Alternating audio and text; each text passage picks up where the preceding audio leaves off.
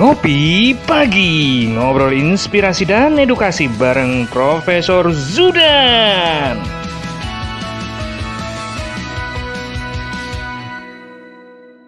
Cara ini didukung oleh Desa Wifi Tol Langit Desa Indonesia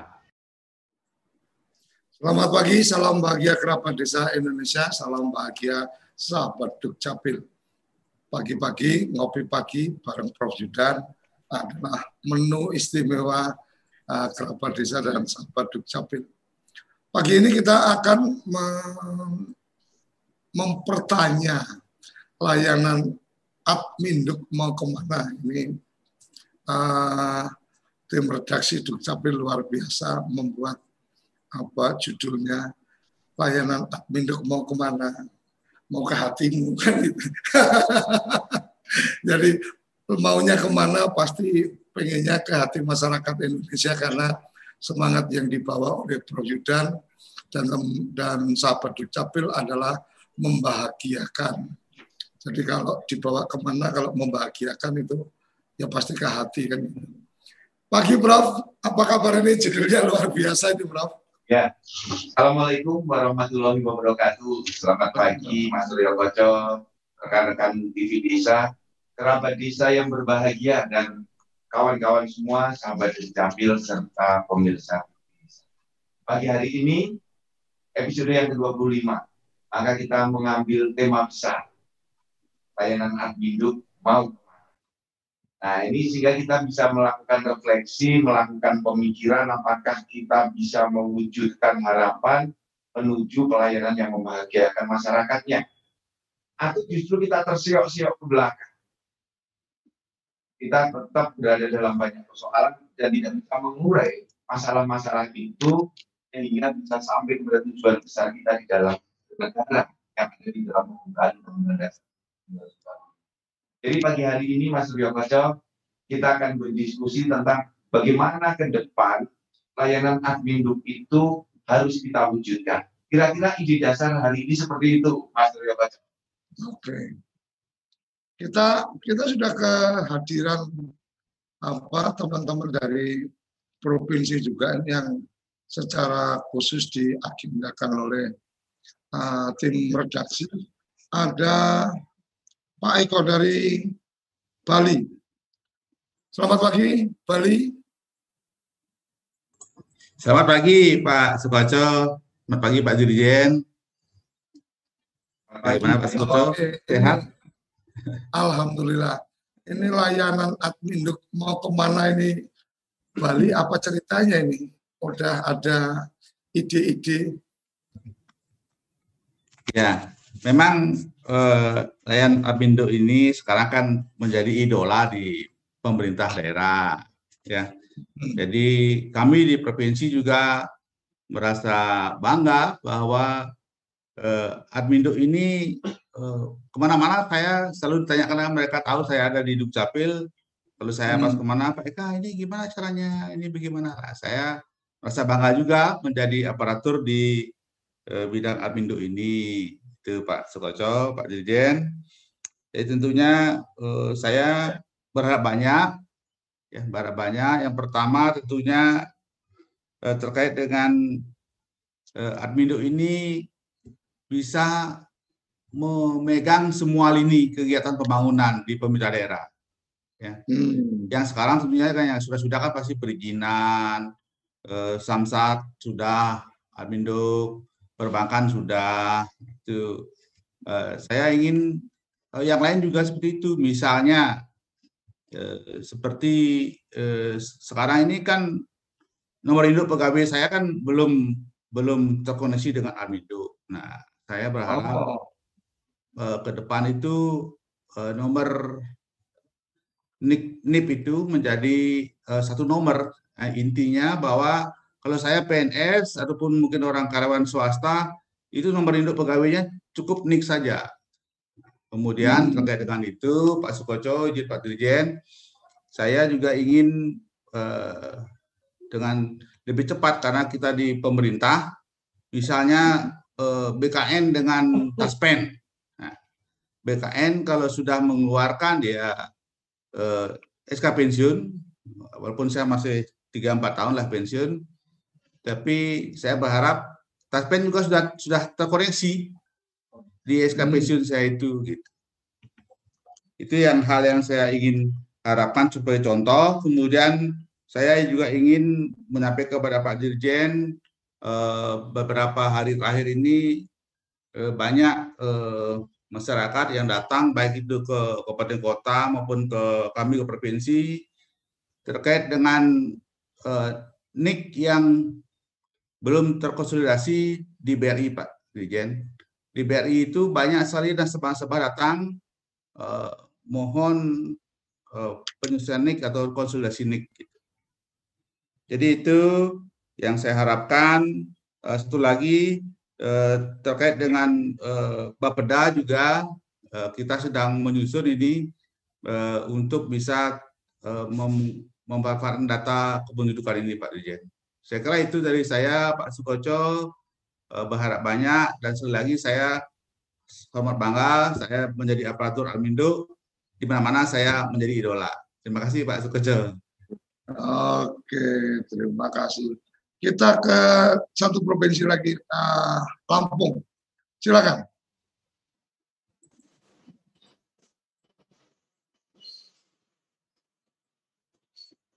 Selamat pagi, Assalamualaikum warahmatullahi wabarakatuh. Terima kasih Pak Sukoco. Eh, selamat pagi, Assalamualaikum Pak Dirjen, ya Pak Sesdijen, para direktur, rekan-rekan para kadis, eh, Dukcapil, Provinsi dan Kabupaten Kota setelah sekaligus eh, yang hadir dalam eh, TV Desa ini. Terima kasih kesempatan ini. Eh, izin Pak Dirjen dan Pak Koco, saya betul-betul sangat bangga sekali eh, menjadi aparatur yang berdinas di Dukcapil ini. 2017 dibentuk Dukcapil ini betul-betul blank dan tidak tahu. Basic saya yang sebelumnya PNS saya masuk 2015 ini, kemudian eh, pernah menjadi kepala Satpol PP, kemudian langsung 2017 bentuknya menjadi kepala dinas ini. Ini hal yang setelah itu saya dapatkan ilmu yang banyak. Kemudian dengan adanya TV Desa di 2020 ini terkupas seluruhnya aturan-aturan ini yang sangat membanggakan Pak Dirjen dan perlu ke depannya ditindaklanjuti dan saya eh, alhamdulillah betul-betul dan saya menekankan kepada staf saya juga banyak ilmu-ilmu yang didapatkan dalam penyampaian eh, dalam TV Desa ini. Seperti materi yang saat ini Pak Dirjen disampaikan bahwa layanan adminduk mau ke mana. Betul kata Pak Sukoco, jangan ke mana-mana, tapi ke hati masyarakat. Juga ke hati penyelenggaranya, kita-kita seluruhnya.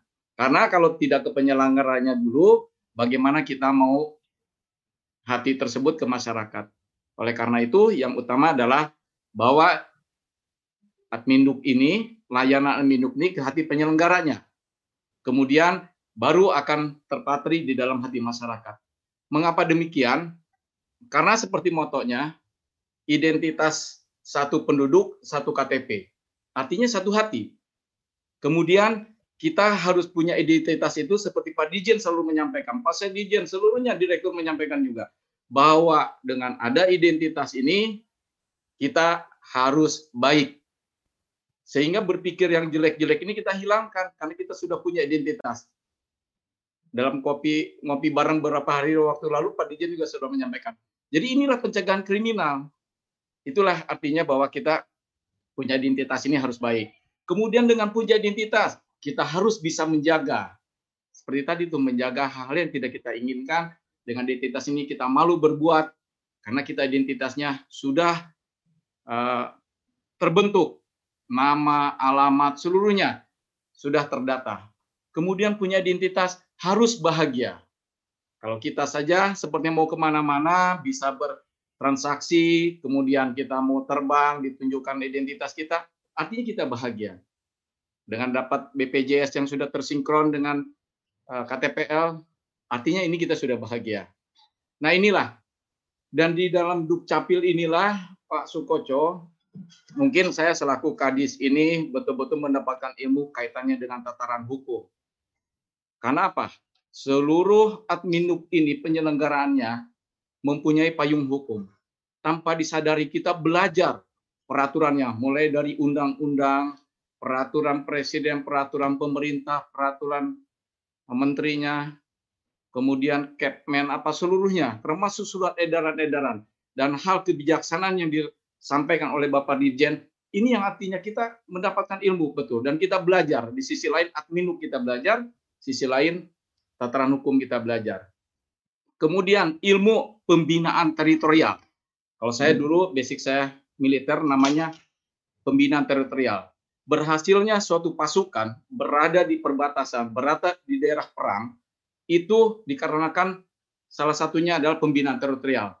Saya lihat bagaimana seluruh penyelenggara Adminduk mendekati masyarakat, mendatangi masyarakat dengan jemput bola, mana yang sakit didatangi. Ini ada ilmu teritorial, pendekatan terhadap masyarakat.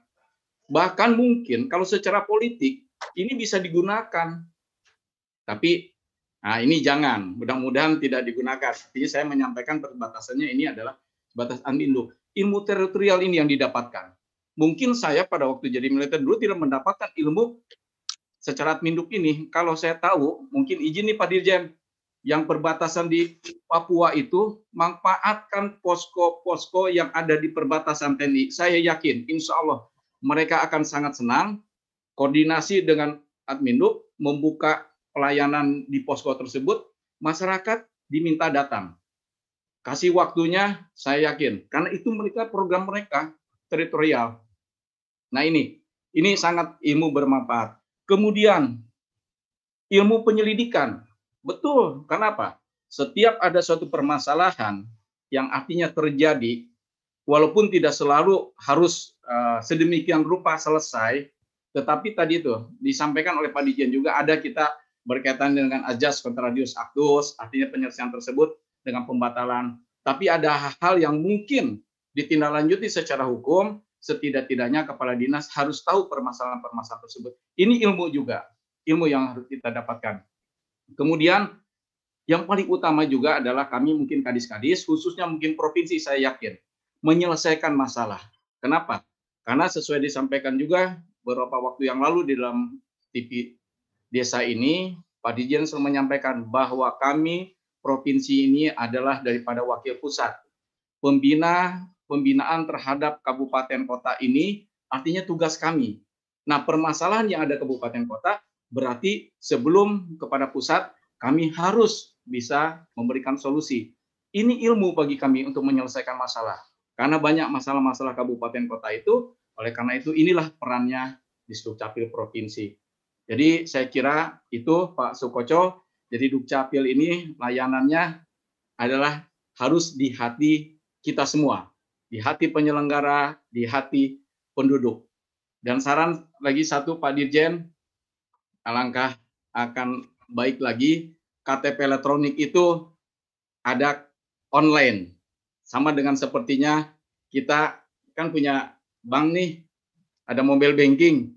Jadi KTP itu online sehingga pada waktu ini tinggal nanti ke bandara itu tidak perlu lagi keluar KTP elektronik dilihat, tapi sudah dipindai sama dengan kayak mereka mau karcisnya tersebut, tiketnya kan langsung di scan. Nah itu juga mungkin di scan di handphone tersebut. Karena kita kan sudah sudah uh, memiliki kerjasama dengan seluler tersebut. Nah inilah mungkin saran dari saya Pak Dijen karena berkaitan dengan big data ini kan artinya semuanya sudah kita memulai dari dari keseluruhan. Saya kira begitu uh, Pak Dijen, Pak Sedijen, Pak Sukoco dan rekan yang ada dari saya eh, betul-betul saya bangga dengan Dukcapil ini dan insya Allah tetap berkarya Dukcapil ini selama masih dibutuhkan dan saya yakin apabila mungkin ada kepala daerah yang masih belum memahami, mungkin merasa bahwa tidak ada hal-hal yang sangat signifikan. Tapi kalau sudah memahami dengan peranan Dukcapil ini demi kepentingan pemerintahan sesuai dengan Undang-Undang 23 eh, tahun 2000 yang telah dirubah dengan Undang-Undang nomor 24 tahun 2013 ini tentang Adminduk ini sangat keren. Dan semua lini pemerintahan, semua lini tentang kependudukan dengan identitas ini kita bisa berbuat dan bisa bahagia. Demikian terima kasih Assalamualaikum warahmatullahi wabarakatuh. Terima kasih. Luar biasa. Kalau kalau tadi uh, saya ingatnya jadi uh, dari Bali tadi saya ingatnya dengan uh, iklannya Teh Betul Sosro. Jadi apa pun instansinya gitu kan sumber datanya dukcapil kan gitu. Apa pun makanannya, minumannya sosro kan gitu. Ini luar biasa. Dari Lampung saya menangkap bagaimana uh, kita nggak boleh kelain hati, satu hati, menjadi baik, menjadi bahagia, luar biasa. Uh, banyak hal yang kita bisa dapatkan dalam episode-episode uh, ngopi bareng Prof Zudan ini sehingga uh, ini membangun apa persaudaraan yang semakin luar biasa, meningkatkan pengetahuan kita yang luar biasa karena saya termasuk yang tidak terlalu paham lah begitu apa mengikuti acara ini jadi banyak tahu hal tentang hukum tentang kependudukan yang mungkin nggak pernah terpikirkan.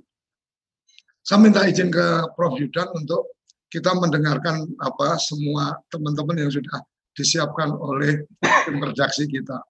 Mbak Puspa, monggo dari Makassar. Halo. Yeah, Assalamualaikum warahmatullahi wabarakatuh. Selamat pagi. Yang kami hormati, yang selalu menjadi kebanggaan kami, Bapak Dirjen Dukcapil, Bapak Suryo Poco, eh, Bapak Seslijen, dan para direktur, para kepala dinas, dan eh, pemirsa TV Desa. Eh, saya ingin menyampaikan bahwa saya bergabung di Dukcapil ini belum dua tahun, Pak, baru mau dua tahun. Tetapi saya melihat bahwa kepemimpinan Bapak Dirjen ini saya boleh katakan hampir sempurna, Pak karena hampir semua celah bahkan kelemahan-kelemahan itu sudah diantisipasi oleh Bapak Dirjen. Termasuk uh, kemarin uh, sebelum pandemi sudah ada beberapa peraturan yang keluar Permendagri untuk mengantisipasi dan itu betul-betul kami sangat dimudahkan untuk pelayanan. Nah, kebetulan juga uh, era digital atau era digital itu dicanangkan di Makassar persis pas saya baru eh, jadi kepala dinas Pak Suryo. Hmm. Jadi ini betul-betul menjadi momentum saya dan uh, memang tidak bisa setengah-setengah, harus uh, total kalau kita mau memang masuk ke era digital. Nah, uh, keinginan ataupun apa yang kita inginkan sebenarnya ke depan ada beberapa hal. Contoh tadi yang sudah disampaikan uh, Bapak Kepala Dinas dari Lampung tentang KTP yang uh, sudah dalam bentuk digital. Ini sangat menarik. Bahkan kalau saya bisa sampaikan, jangan KTPL-nya saja yang digital, tetapi kalau perlu KIA juga dibuat digital sehingga lebih memudahkan masyarakat untuk bisa memanfaatkan. Kemudian ini juga uh, akan memiliki multiplier effect karena ini juga akan berdampak terhadap uh, kemudahan masyarakat di berbagai sektor, uh, termasuk di layanan publik dan uh, keamanan, perencanaan dan alokasi anggaran. Kemudian ada yang menjadi catatan kita juga Pak Suryo Koco. Uh, untuk Dukcapil uh, kita juga tetap memiliki uh, arsip yang uh, manual. Nah, ini menjadi uh, uh, apa ya pekerjaan rumah kita ke depan. Bagaimana kita mendorong digitalisasi arsip untuk bisa uh, menjadi dokumen yang bisa dimanfaatkan oleh berbagai lembaga karena depo arsip ya hampir uh, dipastikan tidak semua uh, dukcapil memiliki depo arsip dan kalau boleh diketahui sebagai informasi setiap hari dokumen yang dimasukkan oleh masyarakat itu cukup besar dan itu adalah arsip uh, dinamis yang sangat uh, dimanfaatkan pada saat ada sesuatu yang akan dikonfirmasi. Nah, uh, mungkin uh, usulan kami Bapak Dirjen uh, regulasi yang mendukung untuk pemanfaatan digital arsip oleh berbagai lembaga. Kalau misalnya kita dipanggil oleh pihak kepolisian ataupun di pengadilan, mungkin arsip-arsip digital ini sudah bisa dimanfaatkan, tetapi itu diperkuat dengan regulasi mungkin yang akan dikeluarkan. Itu usul Bapak Dirjen. Kemudian uh, selanjutnya adalah yang perlu juga adalah pengembangan kapasitas apa bagi aparatur dukcapil. Karena saya mengambil diri saya sendiri, Pak Dirjen, bahwa saya masuk di Dukcapil itu learning by doing dan harus uh, uh, apa namanya fast learning, harus belajar cepat karena kita harus segera mengetahui apa yang harus dilakukan di Dukcapil. Uh, usulan kami Pak Dirjen, kalau uh, perlu ada training khusus bagi pejabat-pejabat yang baru dilantik sehingga paling tidak mereka diisi oleh berbagai peraturan ataupun bagaimana teknik dalam uh, pemberian pelayanan. Kemudian uh, mungkin juga uh, ada baiknya kalau kita melakukan benchmark Pak Dirjen ke berbagai negara yang memiliki uh, pelayanan Dukcapil yang sudah cukup maju sehingga kita punya wawasan yang lebih luas, kita punya uh, pemikiran ataupun ide-ide yang bisa kita tuangkan di dalam pekerjaan kita uh, sehari-hari. Kemudian yang selanjutnya uh, adalah mungkin perlu dibuat buletin Dukcapil yang menampilkan berbagai praktek-praktek cerdas dari pelayanan Dukcapil di berbagai daerah. Termasuk sebenarnya seri dari eh, seri ngopi pagi TV Desa bareng Prof Sudan ini ini kami jadikan sebagai uh, tontonan wajib bagi uh, seluruh aparat kami di Dukcapil. Bahkan kami uh, setiap hari itu memasang ataupun memutar di ruang-ruang pelayanan sehingga masyarakat juga teredukasi dengan uh, informasi yang mungkin mereka tidak sempat lihat pada saat uh, live. Jadi kami selalu memutar itu. Itu itu mungkin uh, uh, salah satu yang bisa dilakukan. Dan uh, saya ingin menyampaikan kepada Bapak Dirjen uh, prestise atau pride sebagai uh, aparat yang ada di Dukcapil ini luar biasa. Kita dianggap uh, punya prestise sendiri. Kemudian kita juga dianggap selangkah lebih maju di dalam pelayanan publik, terlebih lagi bagaimana kita melayani secara digital. Uh, kalau kami di Makassar, Dukcapil itu sebagai pilot project dan sebagai contoh dari SKPD yang lain, bagaimana kita memberikan pelayanan secara digital. Dan satu lagi Pak Dirjen, Ombudsman RI juga memberikan apresiasi kepada kami duduk capil Makassar karena ini salah satu strategi yang digunakan untuk bisa meretas ataupun meminimalkan terjadinya pungli, gratifikasi maupun praktek praktek percalonan. Saya kira itu yang bisa saya sampaikan Pak Dirjen, Pak Suryo Koco, terima kasih yang kesempatan yang sudah diberikan kepada kami. Terima kasih ya. luar biasa. Uh, jadi satu kebanggaan menjadi apa korps dari Dukcapil ini luar biasa. Iya. jadi karena memang panglimanya luar biasa, jadi pasukannya luar biasa. Ini salut untuk Prof. Zudan. Kita berlanjut ke Pak Anwar Hamzah, Kolaka Timur. Silakan.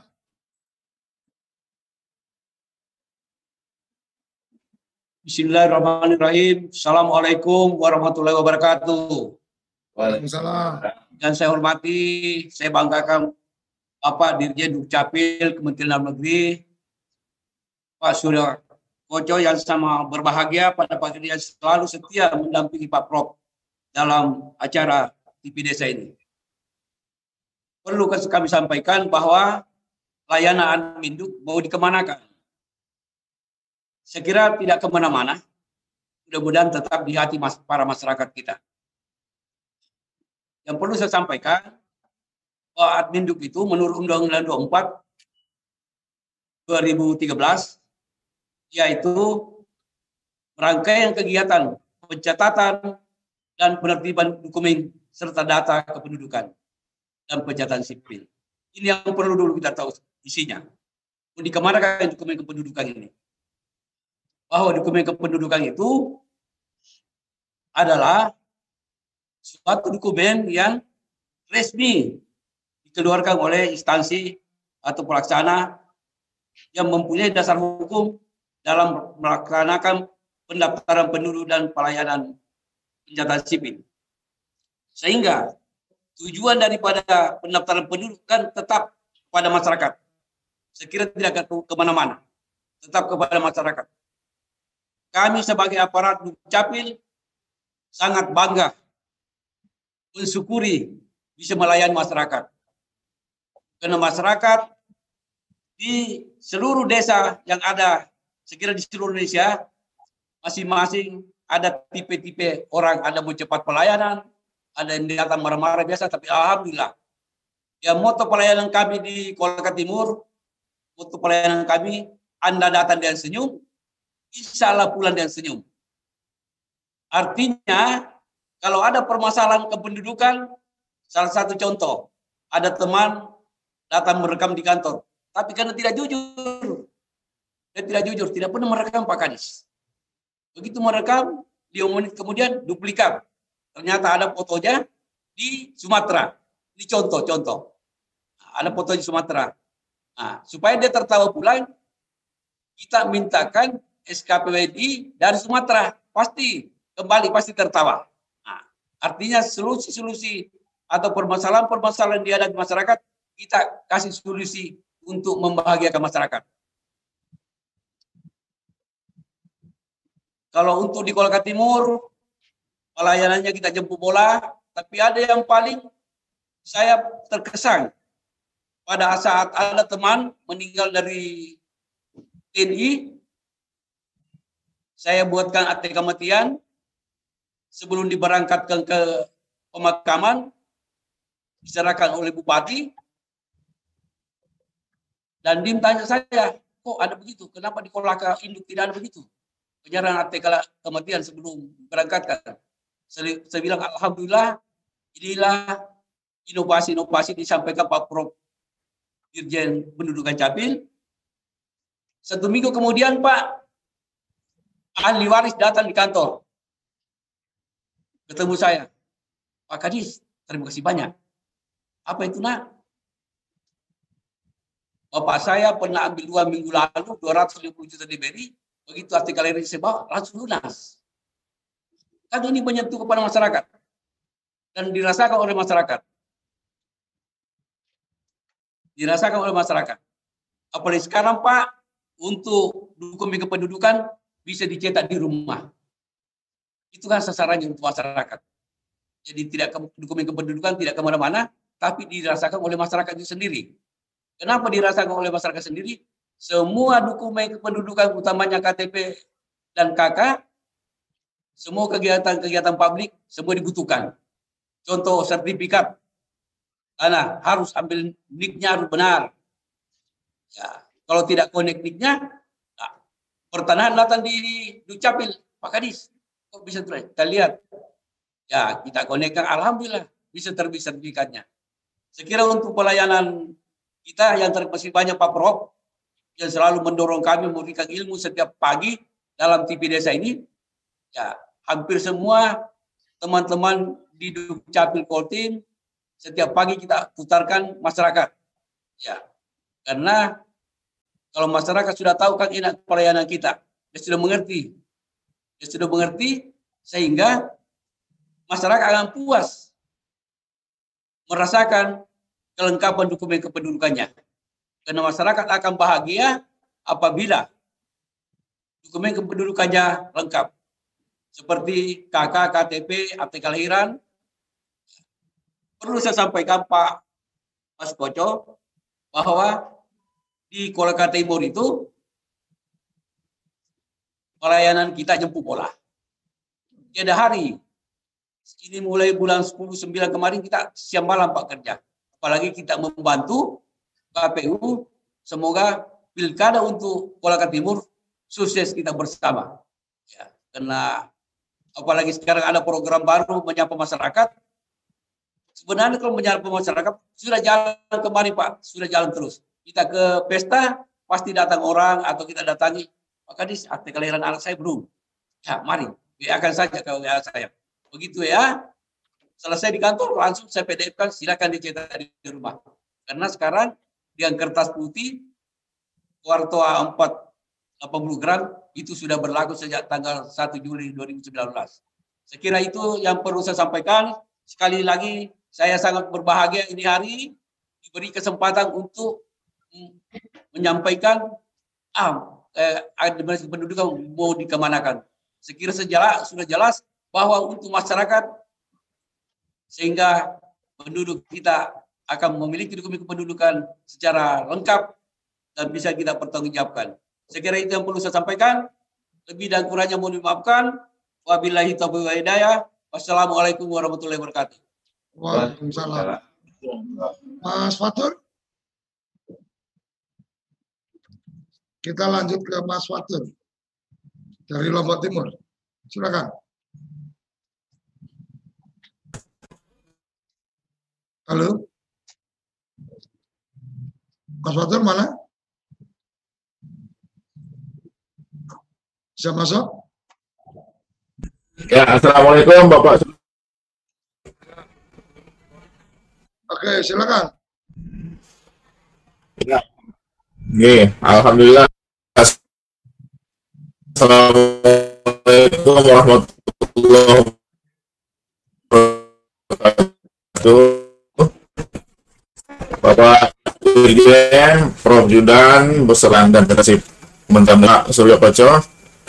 Ya, kami di Lombok Barat eh, memilih memilih ini apa yang belum disampaikan oleh bapak-bapak dan ibu terdahulu ini Pak TV Desa. Yang pertama ingin saya sampaikan agar tidak mengulangi apa yang beliau-beliau sudah sampaikan karena rasa kami sama Pak. Rasa kami sama, hati kami sama. Tapi yang jelas ada satu komando tegas dari beliau Pak Dirjen kepada kami-kami di daerah. Walaupun satu komando, tapi kami juga diberi ruang untuk berinovasi Pak Suryo ruang berinovasi ini yang menjadikan kami merasa eh, sangat-sangat diberikan keleluasaan untuk menentukan sikap di hadapan masyarakat pemohon adminduk kita. Pelayanan adminduk mau ke mana? Hari ini kita ditanya begitu sebagai judul pertemuan kita ini Pak Suryo, bahwa sesungguhnya adminduk itu tidak ke mana-mana, tetapi sudah ada di mana-mana di rumah-rumah pemohon, di rumah-rumah penduduk itu sudah terkenal sekali aparatur dukcapil. Dan insya Allah itu uh, menjadi azimat yang bagus buat pembuka akses mereka kepada ekonomi, pendidikan, politik, bahkan sampai kepada uh, sosial keagamaan lainnya. Termasuk dalam melangsungkan pernikahan. Ini luar biasa buat kami di Dukcapil. Jadi sesungguhnya Adminduk sudah ada di mana-mana. Nah, hanya memang persoalan rasa saja sekarang ketika masyarakat datang senyum ke Dukcapil, kemudian pulangnya dengan senyum itu sudah sangat memuaskan bagi kami. Memang yang mungkin masih sering terjadi adalah di kami ini karena memang ini sedang berbenah, sedang berbenah tidak hanya soal sarana dan prasarana tapi juga soal bagaimana services excellent. Pak Dirjen pernah mengunjungi kami dan pernah juga sidak bahwa ternyata masih belum satu pemahaman itu terjadi di 2015 yang lalu. Mudah-mudahan kedatangan sidak Pak Didian yang berikutnya ini sudah sudah memuaskan masyarakat termasuk juga pimpinan kami terutama sekali Pak Dirjen. Nah, perlu kami laporkan pada kesempatan ini memang eh, kenyataan bahwa Dukcapil menjadi dasar, menjadi pembuka akses bagi masyarakat itu sudah sangat dimaklumi oleh berbagai perangkat daerah termasuk juga pimpinan daerah. Salam juga Pak Bupati kami untuk Pak Dirjen dari Pak Haji Posan Halid. Salam hormat kepada Bapak karena kami insya Allah pada awal tahun depan dihadiahkan gedung baru Pak Dirjen. Mudah-mudahan Bapak berkenan nanti pada saatnya ikut bisa meresmikan gedung baru kami.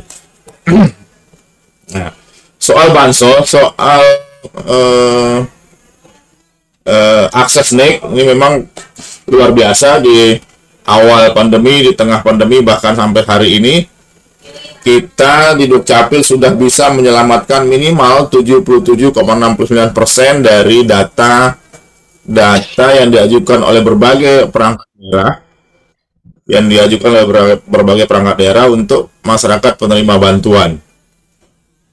Adapun sisanya kami juga menantang mereka, menantang mereka untuk mengundang mereka atau mengumpulkan mereka di satu tempat untuk kami datang untuk menyelesaikan yang sekitar eh, 22% lainnya. Hari ini juga sedang berproses ada dari BPJS untuk kita sandingkan datanya yang entah dulu rekrutmen data kepesertaannya seperti apa hingga hari ini kita sedang sudah menyelesaikan dari 232 uh, data yang bermasalah itu sudah kita selesaikan 126. Itu dari uh, segmen pemerintah daerah. Adapun dari segmen uh, penerima bantuan iuran baru masuk data juga dari BPJS untuk kita sandingkan, kita selesaikan nanti mudah-mudahan bisa di sore hari sejumlah 24.000. Nah, ini peran-peran Dukcapil yang luar biasa menyelamatkan menyelamatkan eh, kesinambungan program tidak hanya kesuksesan kementerian lembaga tapi juga kebahagiaan masyarakat penerimanya. Nah, terhadap yang bermasalah sekali Adminduk, kami juga hari ini sedang ada sidang keliling yang kita kerjasamakan dengan eh, Pengadilan Negeri Mataram, Pak Dirjen. Alhamdulillah eh, sudah masuk putaran ketiga, insya Allah ini bisa menyelesaikan 5 sampai 10 orang di sidang setiap setiap putaran. Dan langsung begitu ada putusan pengadilannya langsung kita rubah di adminduknya untuk segera. Terutama sekali bagi mereka yang tidak bisa kita selesaikan dengan contrarios actus sebagai ya, pelaksanaan Permendagri 104 nih Nah, terima kasih sekali kepada Bapak Dirjen. Kami di Lombok Barat ini memang daerah yang masih tidak sebahagia. Makassar mungkin tadi Bu Puspa ya tidak sebahagia Jogja mungkin. Tetapi dengan turunnya Permendagri 64 2019 ini pasti usaha Bapak-Bapak Dirjen dan pimpinan kami di kementerian eh, ada disebutkan langsung di situ bahwa daerah wajib menyediakan pelayanan, eh, menyediakan insentif atau tunjangan pelayanan bagi penyelenggaraan adminduk. Ini luar biasa bagi kami Pak Dirjen dan itu sudah kami sampaikan berulang kali ke pemerintah daerah kami. Yang kedua juga Alhamdulillah juga di AK disebutkan di situ jangan sampai lebih kecil dari eh, di, di, di AU-nya jangan sampai lebih kecil dari di, di AK gitu di Permendagri. Alhamdulillah sehingga ini juga memaksa tim anggaran pemerintah daerah untuk memberikan perhatian lebih kepada Dukcapil dalam memberikan uh, mendukung operasional di Dukcapil. Karena untuk dimaklumi kami sudah menelurkan tiga UPT di tahun ini Pak Dirjen yang kebetulan ya kita paksakan saja dulu untuk beropera, beroperasi sambil kita benahi, sambil kita lengkapi, sambil kita uh, perkuat SDM-nya. Mudah-mudahan dengan Permendagri 64 2019 tentang penyusunan APBD 2021 ini itu bisa terpenuhi semua di tahun depan. Sehingga semuanya tuntas di UPT semuanya selesai di UPT tidak lagi ke, ke, ke uh, kabupaten. Yang di kabupaten hanya bagi mereka-mereka yang tidak di, belum punya UPT di wilayahnya. Selanjutnya kami sampaikan juga kepada Bapak Dirjen dan kita semua bahwa kenyataan bahwa keinginan untuk memberi kepuasan kepada masyarakat memang ya tantangannya luar biasa Pak Dirjen. Tantangan kami di daerah luar biasa, tetapi dengan satu komando kuat, satu regulasi uh, yang mantap, kita bisa selesaikan itu. Karena memang buntu satu tidak bisa terjawab satu, kami punya keluarga besar Dukcapil gitu bisa kita lemparkan masalah itu di provinsi, seprovinsi bisa me ikut menjawab, tidak pun bisa kita lemparkan senusantara. Ini luar biasanya keluarga Dukcapil karena memang ada kepemimpinan yang kuat di dalamnya. Saya kira itu sementara Pak Dirjen hanya memang eh, keluhan-keluhan yang sering datang dari pengguna layanan kita baik itu perbankan, kepolisian, kemudian di TNI, ya soal legalisir, soal konsolidasi data itu sudah sudah sering kita jalin komunikasi bahwa terhadap data-data NIK yang belum terkonsolidasi bisa dikomunikasikan kepada kami. Hanya memang mestinya saat produk itu terbit itu sudah langsung menasional gitu. Nah, terhadap lembaga-lembaga atau partner kita yang masih belum sadar betul tentang pemanfaatan kertas putih selalu kita komunikasikan bahwa bahkan kita bersurat secara lisan dan seterusnya kita juga sampaikan. Ke depan mungkin secara nasional juga bisa di diberikan sosialisasi lebih masif mungkin. Karena kami di daerah juga kadang yang di daerah oh kami petunjuk Jakarta kami petunjuk pusat dan seterusnya terhadap uh, pemahaman-pemahaman tentang regulasi kita yang baru karena kadang itu membuat masyarakat kita merasa di merasa di impong gitu sudah ke Dukcapil Dukcapil jelaskan ini regulasinya sampai di sana pemanfaat data itu juga masih menganut eh, petunjuk pusatnya. Saya kira itu Pak Dirjen, mudah-mudahan Bapak tetap sehat, dan kita semua juga tetap sehat. TV Desa jangan berhenti di sini. Ya, kerjasama ini bagus Pak. Mudah-mudahan ini bisa berlanjut terus hingga perputaran berikutnya. Ini luar biasa buat kami sebagai sumber pembelajaran dan terus-menerus untuk kita bisa update ilmu juga informasi baru dari pimpinan kami di pusat. Terima kasih. Assalamualaikum warahmatullahi wabarakatuh. Waalaikumsalam. Luar biasa. Jadi uh, keberadaan keberadaan dari uh, Dukcapil yang membanggakan korpsnya dan juga uh, kekuatan kepemimpinan dan penyiapan regulasi-regulasi yang saya tangkap tadi uh, itu adalah bagian yang membuat uh, solidnya keberadaan Dukcapil uh, tidak ke mana-mana tapi ada di mana-mana. Ini luar biasa. Kita mesti ngadu kopi dulu karena sudah mendengarkan semuanya nanti apa Presiden akan memberikan respon-responnya atas apa yang sudah disampaikan oleh sahabat Dukcapil. Jangan ke mana-mana, tetap di ngopi pagi bareng Presiden. Kamu tinggal di pulau terpencil, pegunungan pinggiran kota, atau daerah di Indonesia yang tidak terjangkau jaringan fiber, ADSL, dan juga 3G. Internetan dengan cepat pasti cuma akan menjadi mimpi. Mau pakai tol langit, pakai desa wifi, kunjungi www.desawifi.id.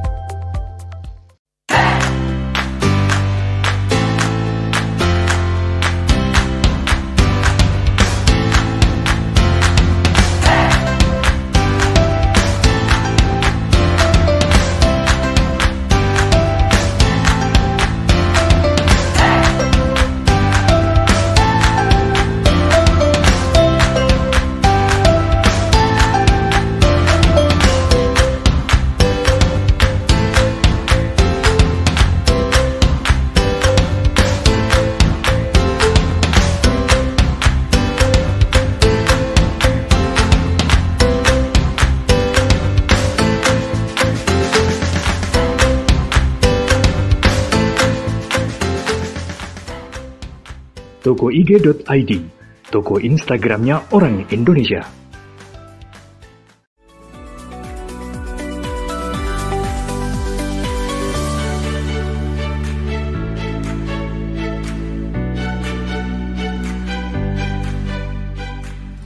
Halo remaja Indonesia. TV Desa dan Rumah Film Avandi mengundang kalian untuk berkarya. Bermodal HP kamu, kamu bisa bikin film pendek dan mendapatkan hadiah puluhan juta rupiah. SSFF Smartphone Short Film Festival 2020 menantang remaja Indonesia berkreasi dalam perfilman.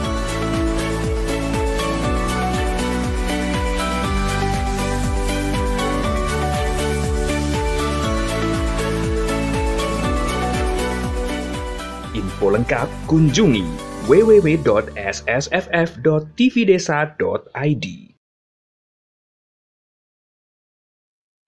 Kembali kita di Ngopi Pagi. Jangan lupa dikabarkan ada Smartphone Short Film Festival yang salah satu uh, tropinya adalah tema tentang kependudukan yang uh, akan diapresiasi oleh teman-teman Dukcapil dalam hal ini uh, Prof. Yuda. Oke Prof, kita sudah uh, mendengar tadi bagaimana apa pun institusinya datanya ada Dukcapil. Uh, Dukcapil tidak ke mana-mana tapi ada di mana-mana ini luar biasa. Jadi satu data, satu hati uh, menjadi baik dan berbahagia. Ini tagline-tagline-nya kalau dikumpulin ngeri di Prof bisa jadi kumpulan puisi. Silakan Bro. Terima kasih Mas Rio Koco. Seluruh kerabat desa yang berbahagia, sahabat Capil dan pemirsa. Sebelum saya menyampaikan beberapa pandangan, pertama saya mengajak 514 Capil, beserta kepala dinasnya, jangan lupa ikuti festival film sederhana dengan smartphone yang disiapkan di desa. Kalau bisa satu dinas dukcapil mendorong putra putrinya remaja-remaja di sana, generasi milenialnya dukcapil didorong. Nah minimal ada 514 nanti film yang akan bisa dipamer. Nah, ini kekuatan pendokumentasian yang sangat besar dan masif. Direkturat Jenderal Dukcapil acara itu Mas Surya Baca. Sehingga kolaborasi ini bisa berjalan dengan baik, bisa membangun branding baru, sekaligus bisa menjadi ruang-ruang sosialisasi, ruang-ruang literasi kepada seluruh warga bangsa. Terkait dengan beberapa harapan dari kawan-kawan semua, saya menyambut baik itu semuanya dengan penuh optimisme bahwa kita bisa untuk memenuhi harapan masyarakat. Kita bisa memberi solusi. Pak Anwar Hamdan saya catatan betul tugas kita memberi solusi. Kemudian Puspa, agar kedudukan kita kuat selalu disiapkan regulasi regulasinya Mas Fatur juga demikian dengan inovasi-inovasi termasuk peningkatan kesejahteraan. Kita sudah letakkan sistem insentif dalam layanan admin. Pada pemerintah daerah juga begitu. Untuk memberikan porsi bagaimana layanan admin berada bisa berada di terdepan. Karena dengan adanya bidat maka kita akan bisa melakukan perencanaan pembangunan dengan baik. Kenapa? Data adalah new oil, minyak baru di masa depan yang akan menjadi kekuatan Kita kepada Pak Eko di Bali, Mas Ahmad, dari pendekatan teritorial terus kita lakukan, pembinaan hukumnya juga kita lakukan, ya, sehingga kita bisa langsung mendorong layanan admin itu lengkap dari sisi konsep, lengkap dari sisi regulasi, kemudian strateginya juga disiapkan sampai di level implementasi bisa berada dalam satu komando satu dan kalau kita kilas balik transformasi di Dukcapil itu kita berawal dari bisa mengambil cut off tahun 1995 kira-kira 25 tahun 30 tahun yang lalu ketika Dukcapil pada waktu itu masih berupa setingkat kepala bagian Mas Rio Kocok jadi Dukcapil ini dulu Kasubdit di Direktorat Jenderal KUA, Pemerintah Umum dan Otonomi Daerah. Sebuah kepala seorang kepala bagian berada dalam sebuah organisasi kecil. Mulailah di Indonesia waktu itu dari yang manual dibangun menuju digital. Ada program digitalisasi awal dengan menerapkan sistem informasi manajemen tahun 95. Ini terus berproses kemudian dirasa dengan penduduk yang semakin bertambah besar, maka satu subdit itu tidak cukup. Dibentuklah Direktorat Jenderal. Jadi ada pemekaran organisasi. Tahun 2001 dibentuklah Direktorat Jenderal Administrasi Kependudukan. Bukan Direktorat Jenderal Dukcapil. Kita ada perubahan nama. Nanti di, tahun 2007-2008. Nah ini di, di tahun itu dibentuklah tahun 2001 Direktorat Jenderal Dukcapil. Realisasinya dilakukan pada tahun 2002. Pada waktu itu Menteri Dalam Negeri Bapak Risa Barno mengangkat Dr. Rohadi menjadi Dirjen Administrasi Kependudukan. Pak Dr. Rohadi Haryanto inilah Direktur Jenderal Admin pertama yang meletakkan dasar-dasar bagaimana administrasi kependudukan Indonesia dibangun secara sistematis. Nah, kemudian kita mulai membangun yang namanya sistem dari Sinduk tahun 2004 bertransformasi menuju inilah yang dilanjutkan sampai sekarang. Kita sudah 16 tahun dari siap versi 1, sekarang sudah siap versi 7 Semuanya dilakukan dalam rangka membahagiakan masyarakat, dalam rangka memberikan solusi terhadap Nah, kemudian Direktur Jenderal Adminuk yang kedua, Dr. Sejuangan Situmora. Ini beliau membangun, mulai mengawali bagaimana NIK nasional itu bisa digunakan.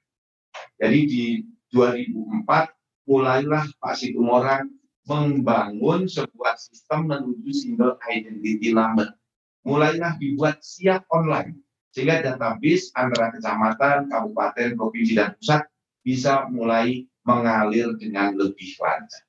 Nah inilah tahapan-tahapan awal pra undang-undang admin. Kemudian revolusi besar dilakukan di tahun 2006 ketika dirjennya pada waktu itu Bapak Dr. Prasetyo. Di sinilah pembangunan administrasi kependudukan Indonesia secara sistematis, utuh dan komprehensif dengan diterbitkannya Undang-Undang Administrasi Undang-Undang 23 tahun 2006. Inilah tradisi besar dalam bernegara. Kita berarti sudah setara dengan negara-negara lain yang sudah memiliki undang-undang administrasi kependudukan. Walaupun kita baru 14 tahun yang lalu. Tapi terjadi lompatan-lompatan besar. Pak Rashid melakukan itu kemudian diperbaiki terus-menerus. Pemutahiran NIK nasional di 2009 sampai dengan 2011. Maka terbitlah NIK nasional seperti yang kita miliki sekarang. Nah, program ini dilanjutkan oleh Pak Irman. Sekaligus di sini saya uh, sampaikan di tahun 2009 itu program NIK nasional kemudian diawali dengan KTP yang kita ingat dulu KTP siap yang ada per ada yang namanya kertas dengan dilaminati. Inilah jika bakal KTPL yang ada. Nah, untuk itu kita harus berterima kasih kepada seluruh dirjen-dirjen yang terdahulu. Sampai kemudian Pak Irman bertransformasi dari Direktur Jenderal Adminuk dari Direktorat Jenderal Dukcapil dengan mengawali program KTP elektronik yang terus berjalan sampai sekarang. Sekaligus pada saat Pak Irman itu melakukan perbaikan di undang-undang administrasi. Sehingga menjadi lebih bagus lagi. Menjadi lebih user friendly dan lebih mendorong bagaimana tujuan membahagiakan masyarakat itu berjalan lebih cepat. Jadi mulai mengenal era pemanfaatan data secara masif di 2000. Nah, Pak Dr. Irman, kemudian saya melanjutkan mulai di 2015.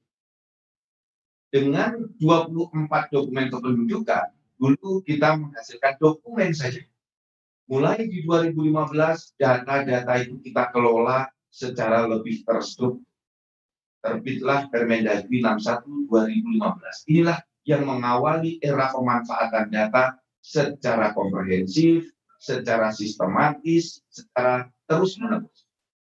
Ada lompatan besar dengan data yang sudah mulai single identity number, penduduk kita sudah mulai di cleansing, data ganda sudah mulai dibersihkan.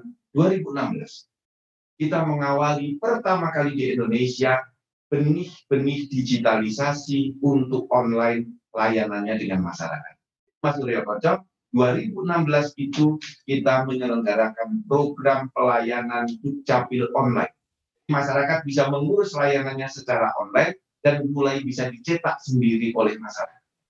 Diawali pada saat menterinya Pak Cahyo Kumolo, kemudian presidennya Pak Joko Widodo, terbitlah Permendagri 9 2016 tentang percepatan akte kelahiran. Nah, di titik ini kita juga menyelenggarakan launching yang dilakukan oleh Bapak Presiden pada tanggal 10 September 2018 layanan Dukcapil online dari Korea Selatan di Seoul. Pada waktu itu kita menguji coba sistem penduduk kita di luar negeri dapat membuat akte kelahiran dari luar negeri. Itu terjadi di tahun 2018 pada tanggal 10 September. Inilah awal kita melaksanakan layanan online. Jadi kalau di dalam slide itu Bapak dan Ibu 2016 adalah titik tonggak kita menyelenggarakan layanan online. Kemudian kita berbenah terus. Bagaimana agar layanan ini bisa menjadi lebih sigap. 2019 kita bertransformasi dengan semangat Dukcapil Semangat ini tentu saja setelah kita melihat berbagai perkembangan, sehingga kita bisa menyimpulkan saatnya kita menuju. Maka mulai tahun 2019 itu ada tiga pendekatan besar kita. Didukung penuh oleh Pak Cahyo pada waktu itu launching di Makassar. Tadi Bu Osma sudah menyinggung itu. Pak Cahyo mendorong, ayo kita lakukan pelayanan yang cepat, akurat, bisa bebas dari pungutan liar, bisa bebas dari calo. Maka kita letakkan landasan pertama tanda tangan elektronik. Inilah awal kantor Dukcapil bisa berada di mana-mana. Sehingga kepala dinas tidak lagi tanda tangan dengan kertas putih dan cap. Kemudian tanda tangan elektronik ini berjalan terus sampai sekarang. Nah, inilah hikmah besar di era pandemi. Jadi Mas Surya Koco, kita tidak tahu kalau akan ada pandemi. Tapi setahun sebelum pandemi, Dukcapil sudah bergerak dengan tanda tangan elektronik sehingga sudah bisa bekerja dari rumah. Dulu ketika saya mengatakan capil kerja dari rumah, kita dibully habis-habisan. Anak ada PNS bisa bekerja dari rumah. Jadi sebelum ada work from home, Dukcapil sudah mendorong kita ini bisa bekerja dari mana pun. Ketika saya mengatakan bekerja dari rumah, orang membuli. Tetapi ketika saya mengatakan Dukcapil bisa bekerja dari, dari mana pun, orang balik memuji mas. Wah ini hebat. Padahal dari mana pun bisa berarti dari rumah juga. Hmm. Nah ini, nah layanan tanda tangan elektronik kemudian kita tambah lagi. Bapak Menteri Dalam Negeri Pak Tito Karnavian mendukung penuh yang dilakukan di 2019 dengan namanya revolusi layanan kertas putih dari kertas security printing menuju kertas putih biasa diatur di Permendikbud tahun 2019. Inilah titik balik layanan kita bisa lebih digital jadi layanannya masyarakat bisa mengurus secara online. Kemudian mulailah masyarakat bisa mencetak dokumen secara mandiri. Jadi semangatnya adalah tidak boleh ada dokumen yang Mengapa? Kalau hilang Anda buat lagi. Kalau rusak, silahkan cetak sendiri. Jadi ke depan dengan layanan kertas putih, dengan tanda tangan elektronik, dan satu lagi dengan anjungan dukcapil mandiri, kita berharap program Dukcapil digital ini bisa lebih tuntas dan kantor Dukcapil ke depan akan. Karena semua bisa dilakukan dari rumah penduduk layanannya. Termasuk kita sedang mendesain sekarang untuk elektronik ID. KTP elektronik yang digital. Digital ID. Kartu identitas anak yang digital. Sehingga kita tidak perlu nanti di dompet menyimpan banyak cukup di dalam gadget kita masing-masing di digitalnya. Semua ini dilakukan untuk menuju satu titik. Teman-teman benar, kita tidak ke mana-mana, tetapi selalu ada di hati masyarakat. Ada di mana-mana dengan pelayanan yang membahagiakan masyarakat. Inilah program besar kita. Indonesia bertransformasi layanan admin dari manual menuju digital untuk membahagiakan masyarakat. Demikian Mas Suryo Kaco, inilah transformasi kita untuk memenuhi harapan seluruh warga bangsa. Oke, transformasi Dukcapil, transformasi digital luar biasa dan dan selalu tanpa terasa, Prof. Tahu-tahu sudah di ujung, jadi ini sudah 8 kurang 2 menit. Tapi luar biasa apa-apa yang tadi sudah disampaikan uh, dari sahabat Dukcapil, dari provinsi, dari kabupaten. Uh, strong leader saya pikir menjadi kata kuncinya. Jadi kekuatan kepemimpinan dari Prof. Yudan mestinya itu bagian yang menjadi sangat penting yang perlu kita apresiasi bersama. Mungkin ada bagusnya juga kita di virtual ini uh, teman-teman yang ada di Zoom meeting ini kita tepuk tangan bersama untuk Prof. Yudan tapi tidak ada tidak ada salahnya atau kemudian kita mengapresiasi atas apa yang luar biasa sudah dilakukan transformasi digital, uh, transformasi dukcapil dan ini kemarin saya rasakan betul saya mencoba aplikasi apa kebetulan saya di Jakarta Alpukat Betawi saya coba. Cuma memang uh, ada hal yang kemudian ini perlu kelapangan hati sahabat dukcapil saya pikir. Kadang-kadang masyarakat yang datang itu datangnya tidak dengan senyuman tapi kadang dengan apa cemberut penuh emosi dan seterusnya uh, mereka ingin dilayani selayaknya raja gitu kan. Jadi ada uh, uh, cara menyampaikan dan seterusnya. Uh, itu kadang-kadang yang memang perlu keluasan hati untuk bisa menerima ketika mereka datang. Mungkin kan suasana-suasana hati yang kurang pas. Saya pikir uh, sudah di penghujung silakan Prof. Closing statement seperti biasa. Terima kasih Mas Suryo Koco, sahabat saya yang baik hati, rekan-rekan TV Desa, seluruh pemirsa TV Desa dan sahabat ucap. Kita sudah di penghujung akhir acara dari program ngopi bareng, ngopi pagi bareng Gus. Terima kasih. Kita sudah bisa menutup sesi ini 25 sesi, satu bulan penuh kita bersama. Mudah-mudahan ini menjadi memberikan manfaat bagi kita, menjadi amal jariah bagi kita, semoga menjadi berkah dalam hidup kita. Nah, mudah-mudahan nanti kita bisa mendesain program-program yang lebih-lebih membawa branding baru bagi Dukcapil. Kalau kita memiliki 514 Dukcapil Kabupaten Kota, 34 provinsi, teman-teman bisa bergabung bersama misalnya ya satu hari ada tiga dinas dukcapil satu hari bisa ada empat dinas dukcapil berarti baru akan selesai kurang lebih dalam 150 hari.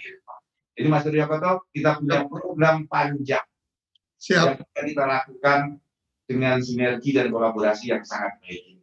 Sekali lagi terima kasih banyak. Mohon maaf lahir batin. Salam hormat dari kami seluruh jajaran Dukcapil di Pasar Minggu dan di seluruh Indonesia. Assalamualaikum warahmatullahi wabarakatuh. Waalaikumsalam warahmatullahi wabarakatuh. Terima kasih Yuda. Jadi Terima kasih Pak Suryo, terima kasih Pak Dirjen. oke kita akan uh, kita akan akhiri uh, sesi kali ini. Kita akan tunggu program selanjutnya dengan uh, Dukcapil karena apa pun saya yakin ini bagian yang apa sangat edukatif dan TV Desa membawa membawa semangat sebagai TV edukasi, TV yang selalu memberikan edukasi kepada masyarakat uh, desa khususnya karena memang ini agenda kita kembangkan TV desa kita dedikasikan untuk memuliakan desa-desa di Indonesia. Dan atas izin Prof. Yudan dan sahabat Dukcapil semua 25 episode nanti kita akan putar ulang di uh, mulai minggu depan. Mungkin di waktunya kita akan sesuaikan kembali tetapi yang jelas 25 episode ini adalah aset yang luar biasa untuk mengedukasi masyarakat sehingga kami minta izin untuk uh, kami bisa putar ulang untuk uh, bisa disimak oleh uh, kerabat desa di seluruh Indonesia. Sampai di sini uh, pertemuan kita. Terima kasih untuk semua yang sudah kita lakukan hari ini. Salam bahagia kerabat desa Indonesia. Salam bahagia sahabat wabarakatuh. Terima kasih Pak.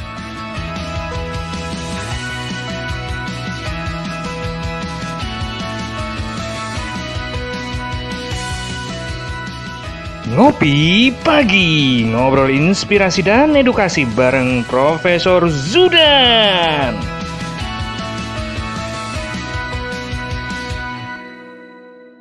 Cara ini didukung oleh Desa WiFi, Tol Langit Desa Indonesia.